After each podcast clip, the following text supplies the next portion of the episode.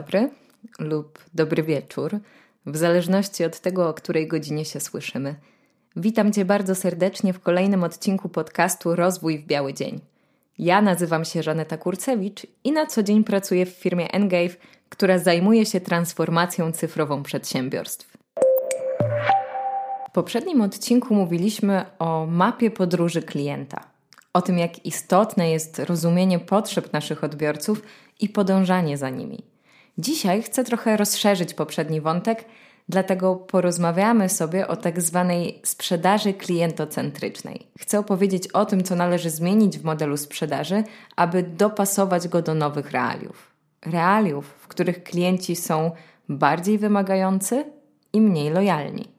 Jeżeli tylko taka tematyka Cię interesuje, serdecznie zapraszam do wysłuchania podcastu. Jak sprzedawać więcej? Jak przyciągnąć klientów? Jak odpowiedzieć na ich potrzeby? Te pytania nieustannie zadajemy sobie wszyscy, którzy w jakikolwiek sposób sprzedajemy nasze produkty lub usługi. Bo trudno nadążyć za zwyczajami kupujących. Trudno nadążyć za działaniami konkurencji, no i trudno nadążyć za zapoznawaniem się z ofertą dotyczącą nowoczesnych rozwiązań dla sprzedaży. Z każdym dniem przybywa nam wyzwań, rośnie złożoność biznesu i relacji z klientami, a w takich okolicznościach bardzo łatwo stracić z radaru najważniejsze kwestie. Wszyscy chyba zdajemy sobie sprawę z tego, że postęp technologii informatycznych sprawił, że to kupujący zaczęli grać pierwsze skrzypce. Mamy do dyspozycji chmury, mobile, media społecznościowe, sztuczną inteligencję i wiele innych rozwiązań. Przybywa kanałów komunikacji i kanałów sprzedaży, a klienci skaczą między nimi jak z kwiatka na kwiatek. Firmy nie są bezradne, ale muszą dokonać zmian wewnątrz, by dzięki technologiom stworzyć klientocentryczny model sprzedaży. Jak się do tego zabrać? No i jakie przyjąć założenia? Czy tego chcesz, czy nie, Każda współczesna firma jest zasadniczo organizacją technologiczną. Klienci stali się cyfrowymi tubylcami. Jeśli chcesz ich dogonić, musisz czym prędzej dostosować procesy sprzedażowe do ich oczekiwań. Dlatego warto zadać sobie pytanie, jak wykorzystać transformację cyfrową, by zbliżyć się do nabywców. Ostatnio usłyszałam ciekawą anegdotę, która obrazuje sprzedażową siłę mediów społecznościowych. Gdy w Chinach zaczynała się pandemia i ogłoszono lockdown, zaobserwowano gwałtowny wzrost sprzedaży w kategorii make-up oczu, ponieważ to oczy stały się jedynym widocznym elementem twarzy. Cykl live streamingowych sesji o tym, jak być piękną, nosząc maseczkę antywirusową, miał ponad 8 milionów obserwujących na Taobao Live. Sesje streamingowe doprowadzały do 150-krotnego wzrostu sprzedaży palety cieni do oczu. Kto by nie marzył o takich wzrostach? Nie opowiadam tej historii, by cię zdołować albo wzbudzić Twoją zazdrość, ale by pokazać, jak umiejętnie wykorzystane technologie, dostosowane do okoliczności i preferencji potencjalnych klientów, mogą wspierać osiąganie rezultatów biznesowych. Prawda jest jednak taka, że nawet najlepsze technologie nie pomogą, jeśli Twoje myślenie nie będzie skupiać się na klientach. Wróćmy do wspomnianego przykładu. W live streamie wzięła udział znana influencerka, którą lubią przedstawicielki pokolenia Z i Y. Ale najważniejsze, że podczas live streamu ta influencerka starała się pomóc rozwiązać dosyć istotny problem młodych kobiet na tamten czas, czyli jak dobrze wyglądać, gdy ma się maseczkę na twarzy, jak zmienić swój makijaż i jak zadbać o swój wizerunek w dobie pandemii. I to zwróciło uwagę wielu potencjalnych klientek. Możemy to nazwać ekonomią uwagi. Przecież świat, w którym żyjemy, jest zdominowany przez wyścig o zdobycie uwagi. I dlatego możemy użyć określenia ekonomia uwagi. Podczas dwóch minut, które zajęło Ci już słuchanie mojego podcastu, na świecie wysłano minimum 300 milionów e-maili, Obejrzano 15 milionów filmów na YouTubie i wprowadzono 8 milionów zapytań do wyszukiwarki Google.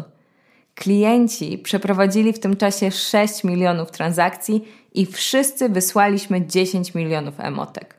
Świat naprawdę porusza się w tempie internetu, a niekończąca się pandemia jeszcze bardziej wszystko przyspiesza. Jeśli myślałeś, że świat kiedyś zwolni, to muszę cię wyprowadzić z błędu. Tak się nie stanie i nie ma na co czekać. Już teraz transformacja cyfrowa jest priorytetem spotkań zarządu dla prezesów przedsiębiorstw, a wielu z nich osobiście kieruje projektami z tego obszaru. Największa firma konsultingowa na świecie, czyli McKinsey Company, posuwa się jeszcze dalej, twierdząc, że największe prognozy wzrostu stoją przed firmami, które tworzą nowe przedsięwzięcia oparte na technologii cyfrowej. Ale ta sama firma donosiła jeszcze przed pandemią, że około 8 na 10 respondentów twierdzi, że ich organizacje rozpoczęły transformację cyfrową w ostatnich latach, ale tylko 14% twierdzi, że ich wysiłki przyniosły i utrzymują poprawę wydajności. Jednym z głównych obszarów do uwzględnienia na drodze cyfrowej transformacji jest sprzedaż. Jak zatem zdefiniować model cyfrowej transformacji sprzedaży? Jak sprawić, by wspierał organizacje w pogoni za klientami coraz zręczniej poruszającymi się po nowej cyfrowej rzeczywistości? Moim zdaniem, po pierwsze, konieczny jest trwały i nieprzerwany dialog z konsumentem. Mark Roberts, niegdyś związany z HubSpotem, twierdzi, że cyfrowa transformacja wywołuje głębokie zmiany w sposobie zachowania i działania klientów. O tym mówimy często, ale zdecydowanie rzadziej skupiamy się na roli sprzedawców. Dlatego, po drugie, musimy przemyśleć rolę naszych sprzedawców, bo ta zmieniła się bardzo i nie ogranicza się już wyłącznie do przedstawiania klientowi wartości. Umówmy się, ofertę wartości klienci powinni móc znaleźć na naszej stronie www czy w innych kanałach. Dzisiaj sprzedawcy coraz częściej odpowiadają za stworzenie wartości podczas procesu sprzedażowego.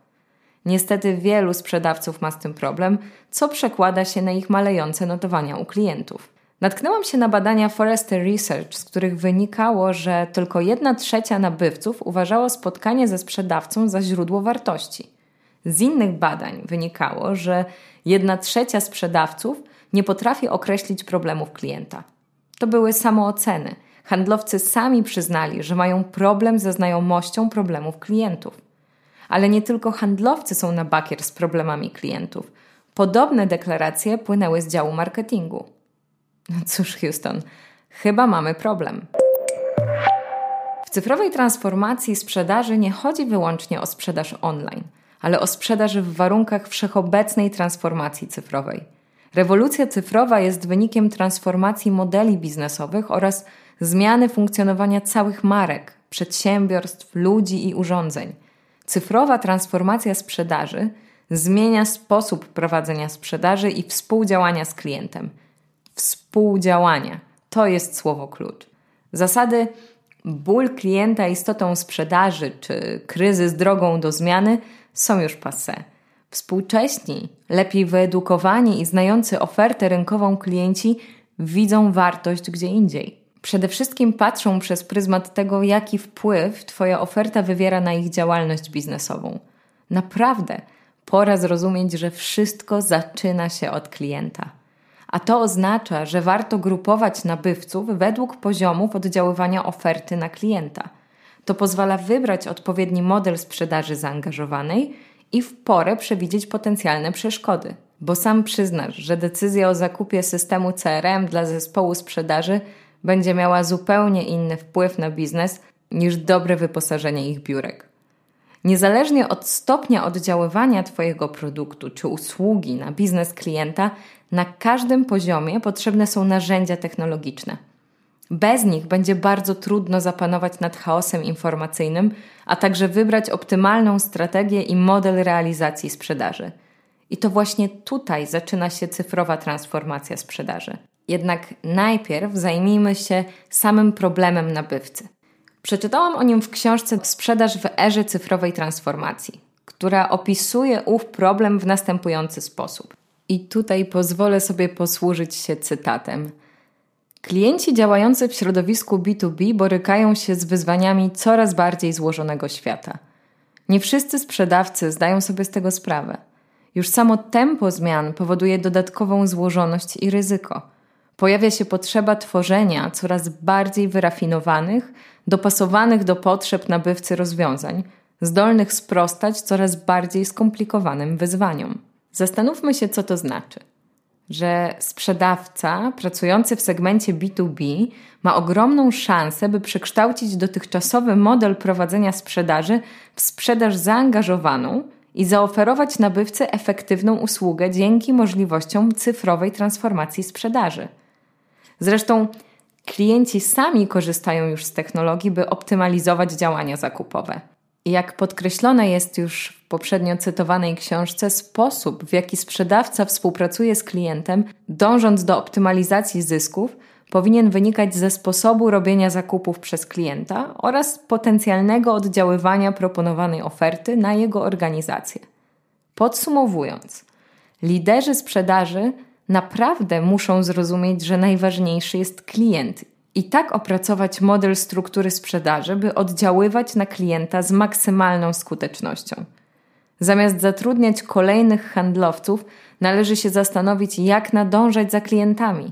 Aby sobie w tym pomóc, warto stworzyć model optymalizujący wzajemne zaangażowanie w relacje między nabywcą a sprzedawcą. W zależności od preferencji klienta możemy mówić o różnych relacjach między strategiami sprzedawcy a deklaracjami klienta. Kiedy tworzysz strategię rynkową dla swojego personelu sprzedaży, musisz zastanowić się, jak wpływacie na nabywcę i na jego organizację. Zazwyczaj mierzy się to czterema elementami. Bierze się pod uwagę koszt, ryzyko, częstotliwość i własność intelektualną. Jak wyjaśnia Donald Daly, im wyższy koszt i poziom złożoności produktów lub usług będących przedmiotem transakcji, tym większy ich potencjalny wpływ na klienta. Siła oddziaływania oferty na klienta rośnie wraz z malejącą częstotliwością zakupów. Ryzyko, rosnące wraz z kosztami i poziomem złożoności bądź wartością własności intelektualnej, również przekłada się na wzrost oddziaływania na organizację nabywcy, co sprawia, że wcześniej i silniej angażuje się on w relacje ze sprzedawcą w poszukiwaniu wsparcia i wskazówek postępowania. Możemy mówić o czterech poziomach oddziaływania na klienta. O poziomie zero, czyli nie przeszkadzaj mi, poziomie pierwszym, pomóż mi kupić, poziomie drugim poprowadź mnie i poziomie trzecim zostań moim partnerem. Gdy klient mówi pomóż mi kupić, wówczas strategia firmy powinna zmierzać do przyspieszenia sprzedaży przez dopasowanie do procesu zakupowego.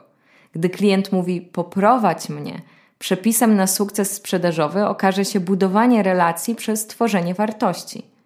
Gdy klient mówi zostań moim partnerem, to najlepszą strategią będzie stworzenie wspólnej wizji na rzecz jego wzrostu.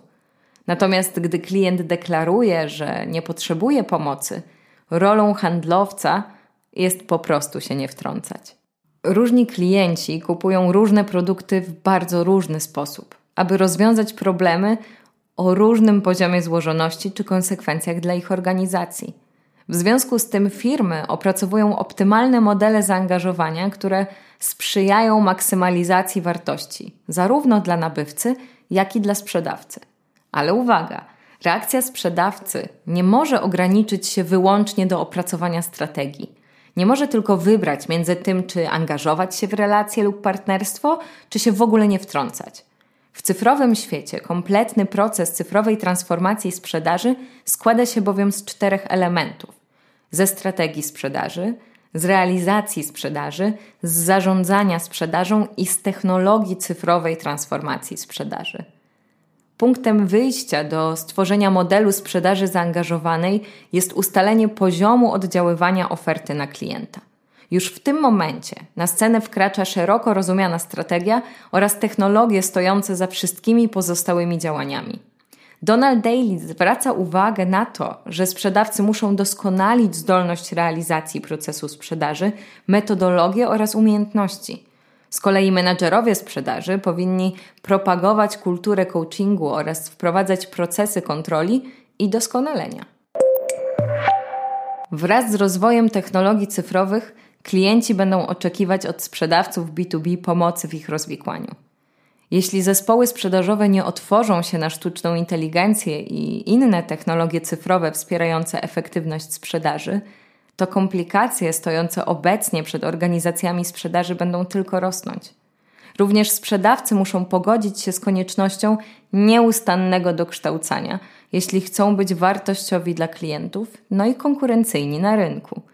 Kiedy znasz już poziom oddziaływania, wybierasz model sprzedaży zaangażowanej określający jedną lub więcej strategii odpowiadających Twojemu kontekstowi sprzedaży oraz współpracy z klientami. W każdym modelu należy zawrzeć propozycję zachowań, praktyk i narzędzi sprzedaży kierowanych zarówno do sprzedawców, jak i menadżerów sprzedaży.